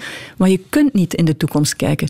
Dus als je dat soort plannen maakt, zijn dat plannen eigenlijk of toch ook een beetje risicovol om ja, te mislukken, om, om ongelukkig te zijn. Want 9 op de 10 kansen haal je het niet. Maar wat je wel weet, is wat je nu gelukkig maakt. En waar je talenten zijn van, ah, ik kan dat misschien eens proberen en morgen dat doen. En de weg toont zich al wandelend. En op een bepaald moment, op een bepaald moment, die keramiek, ik kon dat goed. Ik maakte mijn eigen keramiek. Voor mijn eerste boeken maakte ik mijn eigen keramiek. Ik had iets om te laten zien. En dacht ik van, hmm, misschien kan ik wel eens naar Serax gaan. En uh, eigenlijk ging ik zelfs met een, met een smoes daar naartoe. Ik zei, ja, ik zou leuke spullen willen komen uitlenen. Vonden zij natuurlijk tof voor mijn boek. En, maar toen kwam ik daartoe en zei van, ja, maar wie is hier de baas van? Ik wil ook wel eens mijn spullen laten zien. En dat was meteen een heel leuk contact en, en dat was heel fijn. En dan zie je, de weg toont zich al wandelend en van het een komt het ander. Dus wat je moet doen is dicht bij jezelf blijven, je talenten proberen zoeken. En dat is volgens mij het moeilijkste voor jonge mensen. En daarom is het zo fijn om jou te omringen met creatieve mensen, met, met ja, mensen die jou inspireren, die jou, en op zoek te gaan naar je talenten, die te ontwikkelen en dan te zien wat kan ik hier nu mee doen. En de weg ja, toont zich al wandelend. Je vertelde het al even in het eh, begin van de uitzending, hè, dat je als jong meisje niet zo in balans was als uh, nu. Zeker uh, als het over eetgewoonten ging. Um, je had een eetstoornis, zo, zo noem je het? Wel, ik weet eigenlijk niet of eetstoornis het juiste woord is, überhaupt, voor algemeen gebruik. Ik denk dat dat, dat, dat niet het, ja, het, het goede woord is. Een eetverslaving. Ja, ik denk dat er heel veel eetproblemen zijn en dat er allemaal verschillende termen zouden moeten voor ehm, bestaan. Ik denk dat het eerder een ja, eetverslaving is, maar in, in heel het verhaal zijn er veel componenten. Hè. Het is niet alleen het fysieke, hoe, hoe iemand reageert op voeding. Maar je hebt inderdaad ook het, uh, het verhaal van ja, als jong meisje, waar is mijn plaats hier in de wereld? En ik denk dat gewoon die twee samenvallen. Dus je hebt het psychologische aspect dat eigenlijk verstrengeld geraakt met het fysieke aspect van je eet iets waar je lichaam niet goed op reageert, waarbij je hormonen op hol slaan. En hoe, hoe ging dat dan bij jou? Of hoe ver ging dat bij jou? Ja, ik wil daar eigenlijk niet in detail over treden. Wie, wie tussen de lijnen wil lezen, die kan mijn boeken lezen. Het is trouwens eigenlijk nooit mijn bedoeling geweest om daarmee naar buiten te komen. Maar natuurlijk, ik schrijf die boeken. En ik merk dat ik daar ja, mensen mee kan helpen. En dan schrijf ik A en soms is, ja, moet ik dan ook wel B zeggen, omdat ik zeg, ja, maar het... Dus ik word een beetje gedwongen om mijn verhaal te vertellen. Aan de andere Waarom kant, zou je het niet vertellen? Omdat ik daar geen zin in heb, omdat ik dat nog altijd um, heel privé vind en ook best nog wel ja, beschamend ook vind. Ik vind dat niet, um, om daar in detail over te spreken, dat zou ik niet doen. Maar ik kan wel ja, zien dat ik daar ja, mensen mee kan helpen. En, en ik vind dat die eetproblemen vaak fout worden aangepakt. Voor wat, ik, wat ik vaak hoor, is dat meisjes die worden geholpen, dat die bijvoorbeeld in het midden gaan die dan een, um, een, een soort ja, een, een kom zetten met allemaal um, ofwel gezonde um, tussendoortjes of ongezonde tussendoortjes. Er kan bijvoorbeeld ook een zak chips tussen zitten. En als je dan niet snel genoeg bent, iedereen moet daar iets uit nemen. En je bent niet snel genoeg, ja, dan moet je maar die zak chips nemen. Want in het leven, dat hoort toch bij het leven. Af en toe een zak chips eten, dat is normaal ja, dan denk ik, dat is echt, eh, daar heb ik het heel moeilijk mee, omdat op dat moment wordt geen rekening gehouden met de fysieke reactie van die meisjes. Bij wijze van spreken, stel aan een alcoholist, ga je toch ook niet zeggen, ja, maar drink af en toe maar eens een glas whisky, want dat hoort bij het leven, of een glas wijn. Als je alcoholicus bent, dan kan je lichaam niet goed om met alcohol. Wat is de enige manier? Is zo goed als geen alcohol meer drinken of geen alcohol meer. Bij voeding ligt dat natuurlijk veel moeilijker. Je kunt niet zeggen, ik ga geen koolhydraten meer eten, omdat koolhydraten zitten ook in groenten en in fruit. Maar je kunt wel die snelle koolhydraten vermijden. Dus in die zin, ben heel die discussie over voeding. Men kan wel zeggen, ja, voeding zit zo en zo in elkaar. Maar ik vind dat allemaal een beetje naast de kwestie spreken. De enige goede vraag is, waarom eet jij zo? Mensen hebben daar een, een reden voor. Als ik bijvoorbeeld snelle koolhydraten vermijd, al heb ik daar mijn reden voor? Ik zal het omgekeerd zeggen. Stel dat ik morgen weer veel snelle koolhydraten begin te eten, heb ik exact weer hetzelfde probleem. Net waarom, waarom at jij als jong meisje snelle koolhydraten? Waarom eet, iemand ons, waarom eet iemand in het Westen allemaal snelle koolhydraten? Omdat onze manier van eten is zo. Wij eten had overal. nodig. Ja, maar we, eten, we hebben geen andere keuze in het Westen. In het Westen is tussen de 55 en 70 procent van wat we eten komt uit koolhydraten. Omdat onze manier van eten zo geëvolueerd is. Dus ik had geen keuze. Ik moest zo eten. En wat ik zag, is dat in die broodjes en in al die snelle koolhydraten, dat ik mij daarin verloor. Dus stel, als ik mezelf wou daarvan verlossen, moest ik ingaan tegen de gangbare manier van eten. Is geen evidente manier geweest, maar eerlijk gezegd, ik heb dat, die discussies ook graag gevoerd en nog altijd. Ben je daar ook psychologisch in begeleid geweest? Ik heb daar psychologische hulp voor gezocht, maar um, niet gevonden. Omdat um, mijn. Ik heb daar uiteindelijk ook veel over geleerd omdat de manier waarop ze jou benaderen is dat ze eigenlijk zeggen: jij gaat niet goed met voeding om en je moet een beetje weerbaarder worden. Maar in heel die discussie, in heel dat verhaal dus, wordt geen rekening gehouden met de fysieke reactie. Eigenlijk was, eigenlijk was dus, zou de, de um, Eigenlijk hadden ze mij moeten zeggen van kijk, jouw lichaam reageert niet goed op die snelle koolhydraten. Die moet je dus minder eten. En daarnaast, dat is mijn manier eigenlijk, of mijn advies als krijg veel reacties van meisjes die um, voedingsproblemen hebben. Mijn advies is altijd, haal die twee uit elkaar. Je hebt wellicht een fysiek probleem met eten, um, waardoor je heel ja, verslavend reageert op bepaalde voedingsmiddelen. Um, Probeer te achterhalen welke dat zijn en doe dat met een diëtiste. Dus mijn advies is zeker, ga hulp zoeken. En je doet dat met een goede diëtiste die openstaat voor de nieuwere evoluties. Geen klassiek geschoolde, we zijn allemaal klassiek geschoold, want er is geen andere mhm. opleiding. Maar die intussen al weet welke de nieuwe manieren van eten zijn. En daarnaast ga naar een psycholoog, een psychiater, om jouw andere problemen op te lossen. Om jouw problemen, hoe je staat in het leven. Of vaak zijn er twee problemen en mijn mijn advies is vaak van probeer die twee uit elkaar te halen.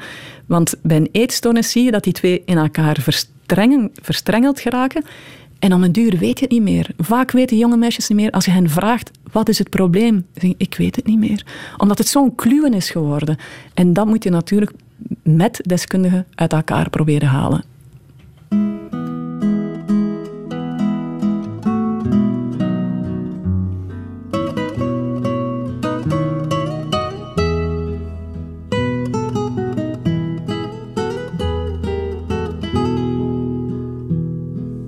Esta botella conmigo. En el último trago nos vamos. Quiero ver a qué sabe tu olvido sin poner en mis ojos tus manos. Esta noche no voy a rogarte. Esta noche te vas de de veras Difícil tratar de olvidarte sin que sienta que ya no me quieras. Nada me han enseñado los años, siempre caigo en los mismos errores. Otra vez a brindar con extraños y a llorar por los mismos dolores.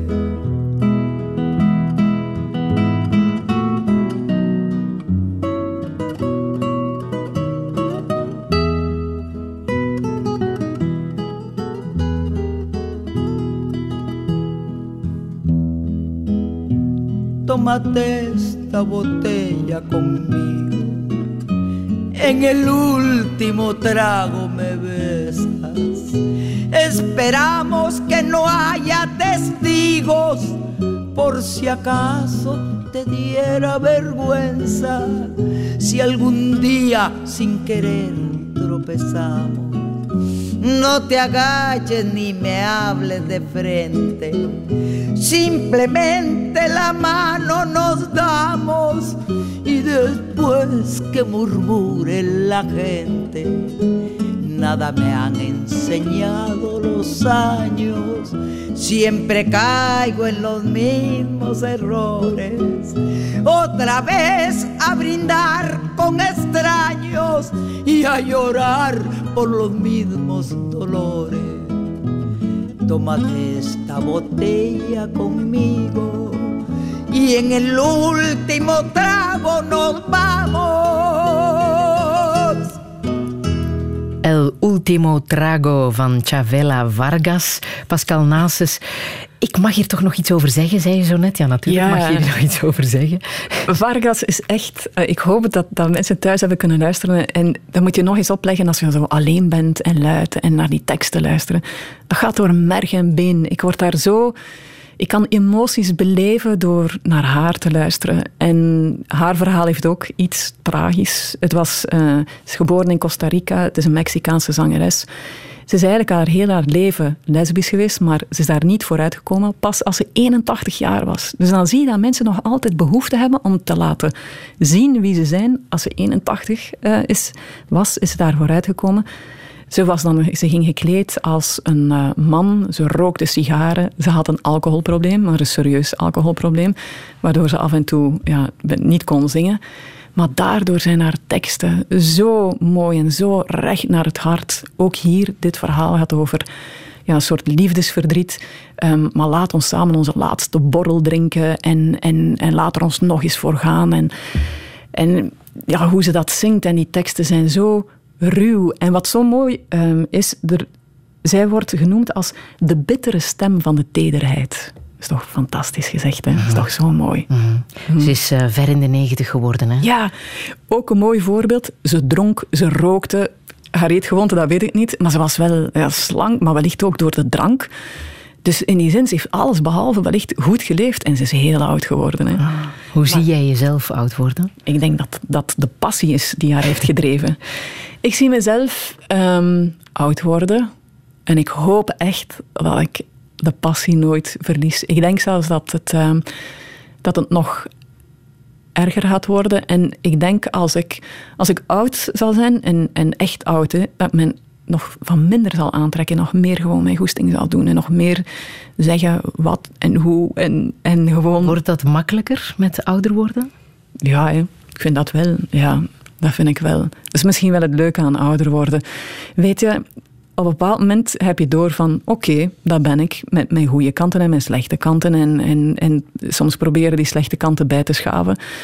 En na een tijdje heb je door dat dat eigenlijk niet echt lukt. Dat je altijd, eigenlijk zoals zij zingt, altijd verval ik in diezelfde, um, ja, tegen diezelfde tragedies aan. Um, ik maak telkens dezelfde errores, tel, telkens opnieuw. En, en dat is iets wat heel herkenbaar klinkt ook. En dan denk je, ja, bon, dan is het dan maar zo. En dan neem je dat daarbij en je probeert daar ja, gewoon ja, de bluts en de buil kun je makkelijker vrede mee leven. Maar ik zeg het, ik hoop dat ik die passie niet verlies. Ik zal bezig blijven tot zeg, mijn, uh, mijn laatste dag met keramiek. Of ik zou ook misschien wel graag ja, lesgeven dan daarin en mij omringen met jongeren. Ja, um, ja dat zou ik wel fijn vinden. Ik ga niet... Uh, ik, ik wil niet eenzaam, zielig in een hoekje sterven of zo. Dat ga ik niet doen. Ik ga, wel, ik ga mij dan omringen met... Eh, als je dan oud bent en dan heb ik misschien wat centen, dan kan ik misschien zeg, een creatief atelier oprichten en dan mij omringen met jonge creatieve mensen. En die komen mij dan koffietjes brengen. En die zijn dan hopelijk een beetje dankbaar dat ze de dingen kunnen doen daar die ze willen doen. En dan ga ik nog een beetje een, ah, mij amuseren eigenlijk. Want als jij daar dan zit in jouw atelier, omringd door al die jonge mannen, 95 of zoiets. En vrouwen. Uh, um, dan vermoed ik dat Paul Jambers er niet meer zal zijn, tenzij hij 120 wordt. Wel, dat is eigenlijk... Kans. Ja, dat is de, eigenlijk de deal die we vaak maken. Um, we hebben, ik heb, zeg vaak aan Paul van, jij wordt er 100 en ik word er 75. Ik vind 75 wel wat jong. En Paul die zegt dan tegen mij altijd ben je zeker? Heb je al eens iemand gezien, echt gezien, die 100 is? Ben je daar echt wel zeker van? dus dat is een beetje onze uh, humor. En weet je wat? Maar hebben jullie afspraken over de dood? Nee. De, de toekomst, niemand kan in de toekomst kijken. En ik heb het gevoel dat ik als een, als een kat altijd op mijn pootjes ga vallen. Dat is nu hetgeen wat de leeftijd er meebrengt. Als ik, had, had je mij die vraag gesteld toen ik dertig was of zo, dan, dan zou ik wellicht schrik hebben gehad, omdat ik het niet allemaal goed wist. Maar het leven heeft mij geleerd dat ik eigenlijk wel kan omgaan met tegenslagen en dat ik er het beste van maak en dat ik er telkens ja, wel uit geraak en mijn weg daarin vind. En dat, dat sterkt jou. En de toekomst zal zijn wat het is. En zo zie je maar, Vargas die is in de negentig geworden. Ze dronk, ze rookte. Ja, um, maar dat ga jij niet doen, doen denk ik. Nee, ik, ga, ik zou te veel energie verliezen. Of te, nee, dat, dat ga ik niet doen. Maar je kunt niet in de toekomst kijken. Dus het enige wat ik wel weet, is dat ik er het beste van ga maken. En uh, dat ik hoop dat Paul heel oud mag worden. Is er iets na de dood? Hmm. Nee, ik denk het niet. Ik denk, um, ik, ben heel, ik ben helemaal niet gelovig. Ik dat, um, ben, ben daar absoluut niet mee bezig. Ik ben bezig met het leven hier en nu. En ik denk niet dat er iets is. Wat ik wel denk, is dat er. Um, dat de ik geloof vooral in de natuur, in geloven. Ik denk dat de natuur veel meer is dan dat wij nog maar weten. Wij denken dat we alles weten en wij denken dat we heel superieur zijn en we denken dat we. Maar ik denk dat wij eigenlijk als mens heel klein, nederig moeten zijn. En voor het grote um, ja, mysterie van het leven. En ik denk dat er ja, veel meer is dan dat ons verstand aan kan. En ja, dat denk ik wel. Dus in die zin vind ik het leven als een, als een mooi geschenk waar ik toch wel dankbaar en probeer mee om te gaan. En dat helpt ook eigenlijk in moeilijke momenten. Zeggen van, ja, maar je hebt het wel gekregen. Doe er iets mee, doe er iets. Probeer er iets van te maken en, en iets... We zijn hier op deze wereld gezet om een soort evolutie mee te maken. Er is hier niet veel. Ik vind al, er is hier niet veel. Je geld kun je niet meenemen. Dus in die zin dat is wel leuk om in die maatschappij te kunnen overleven en, en dat is tof, maar voor de rest stel allemaal niet veel voor. En wat ik wel hoop hier te beleven zijn veel belevenissen. Ik wil veel meemaken. Ik wil veel emoties meemaken. Ik hou van emoties. Ik wil geen vlak leven en ook zijn dat wat minder goede emoties. Je, je kunt nooit hoog gaan als je nooit laag bent gegaan. Daarom ik hou van dat soort muziek, die Javella Vargas, die door haar heb ik al zoveel mooie emoties kunnen beleven. En ik kan mij daar ja, echt in verliezen. En ik ga dat blijven doen, gewoon, ook later.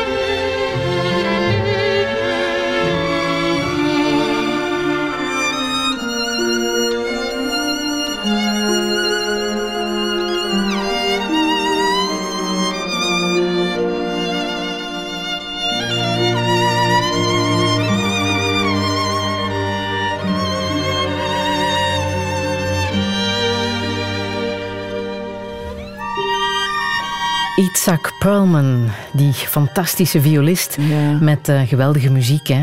Um, raisins en uh, almonds, rozijnen en amandelen heet dit nummer. Wist je dat, uh, Pascal Nasus, dat Uiteraard, deze prachtige melodie ook deze mooie titel draagt? Ja, ja, ik heb het zelf ook geschreven naar jullie. Ik heb het inderdaad. Um, en die, dit nummer ken ik al heel lang. Um, het grappige is, um, Universal is ooit naar mij gekomen van, ja, wil je geen cd samenstellen met allemaal leuke muziek? En ik dacht, ja, maar de muziek die ik graag hoor, dat zal wellicht niet passen binnen jullie kraam. En ze zeiden, kijk, ze hadden een lijst. En ik dacht, oh, sorry, dat is echt wel niet mijn ding, dat ga ik niet doen. Ik zeg, kijk, ik zal mijn eigen lijst opmaken waarin dit nummer ook stond. Zeg, dan zie je maar of je dat oké vindt of niet. Of zegt van, ja, nee, dat past niet bij ons. En uiteindelijk uh, vonden ze het wel, vonden ze het heel fijn. En ik heb een aantal cd's samengesteld, waaronder dit nummer ook. Ik vind het een, van een onwaarschijnlijke schoonheid. Mm. Er is net een documentaire uit, ja, genomineerde documentaire, waarin zijn uh, leven wordt verteld. Werd als kind uh, getroffen door polio en verplaatste zich zijn hele leven met, met krukken en uh, op het einde van zijn leven met een scootmobiel. Ja. Is ook mee deel geweest van zijn fantastische carrière. Het bovenste deel van zijn lichaam deed het perfect en meer dan perfect. Ja, Want daar is ja. deze geweldige violist uit voortgekomen. Ja, er wordt ook inderdaad gezegd wel de beste violist ooit. Nu, als je, als je dat al, die titel krijgt, dan behoor je al tot de top, uiteraard. Ik denk dat jij naar die documentaire gaat kijken. Absoluut, ja. ja, ik ben er zeker nieuwsgierig naar. Wat zou jij echt nog willen in het tweede deel van jouw leven? Dat is wel mooi gezegd, het tweede deel van je leven. Um, ik, ik ben niet bezig met de toekomst. Ik wil gewoon nu, en met morgen ben ik bezig. En um, ben wel een beetje bezig met de toekomst. In die zin... maar niet... Je bent nog nieuwe terreinen aan het verkennen. Ja, ik, maar ik ben bezig met nu vooral. Met leuke dingen ben ik bezig. Ik, ik doe heel graag waar ik nu mee bezig ben. En daarin word ik gedreven. Maar niet dat je denkt van, oh, ik wil dat of daar staan. Of... Maar ga jij ons nog onwaarschijnlijk verrassen? Zoals je dat al hebt gedaan trouwens. Onwaarschijnlijk? Misschien niet. Nee, dat denk ik niet. Um, maar, maar ik hoop wel dat ik jullie nog kan verrassen. Maar dat is nu ook niet echt mijn doel. Um, ik ben met hele leuke dingen bezig. En ik, dat zal zeker mensen wat uh, verrassen. En ik hoop dat ik zo lang mogelijk mijn, mijn ding kan blijven doen. En niets doen is echt niet aan mij besteed. Dan, dan pas begin ik ja, ongerust te worden. En, en dat heb ik denk ik ook van mijn vader. En dus, ik weet niet of dat zo... Ik denk dat dat eerder negatief is hoor. Een soort onrust waar, waar je moet blijven zoeken. Maar de rust vind ik dan in de creativiteit. Pascal, raar vraag misschien, maar mag er ooit na jouw dood een straat naar jou genoemd worden? Of misschien een avenue, de Pascal Nasus Avenue, waar dan een klein steegje op uitkomt dat de Poljambersteeg heet. Mag dat? Dat, dat hoeft voor mij absoluut niet. En ik, ik zou eerlijk gezegd zelf geen enkele reden daartoe zien. Ik zou het eerder grappig vinden. En ze mogen doen na mijn dood wat ze willen. Ik zal toch niet weten, in ieder geval. En ik zal er ook niet van wakker liggen. Nu, we gaan er wel naar op zoek. Sophie Lemaire is uh, een strijd aan het leveren uh, voor meer vrouw op straat. En, uh, wie weet kom jij wel op die lijst terecht. ik heb nog muziek van een Ethiopische zangeres. Ook prachtige muziek. Ja. Gigi. Ja, ja. Wat moeten we daar nog over kwijt? Um, ik ben vooral voor haar muziek gevallen om, omdat het ja, ook weer die authenticiteit, als je haar hoort, dan voel je dat daar. Um, ja, dat dat enorm diep gaat, raakt. Ik heb gezocht, um, niet echt lang moet ik zeggen, maar om te zien of ik haar teksten kon vertalen. Ik heb het niet gevonden, maar het maakt ook niet uit um, of je nu begrijpt wat ze zingt of niet. Je voelt de passie. Eigenlijk moet je, ja, naar muziek moet je niet luisteren, naar muziek moet je ja, voelen. Je moet het voelen. Past bij jouw boodschap hè, die je nog wilt meegeven? Ja, voelen. Hè. En de wereld mooier maken. De wereld mooier maken, absoluut. Als we dat nu eens allemaal zouden doen, het zou zo fijn zijn.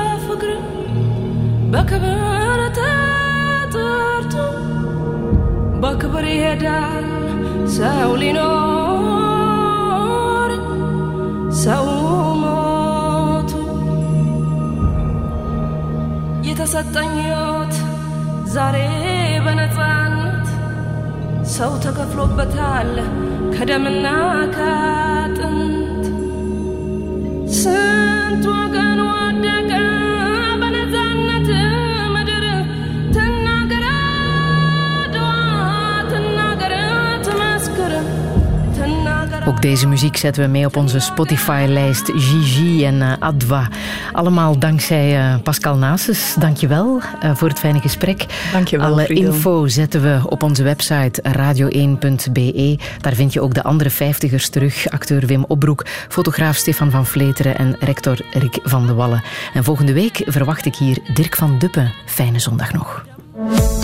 Herbeluister Touché via de podcast, Radio 1-app en radio1.be.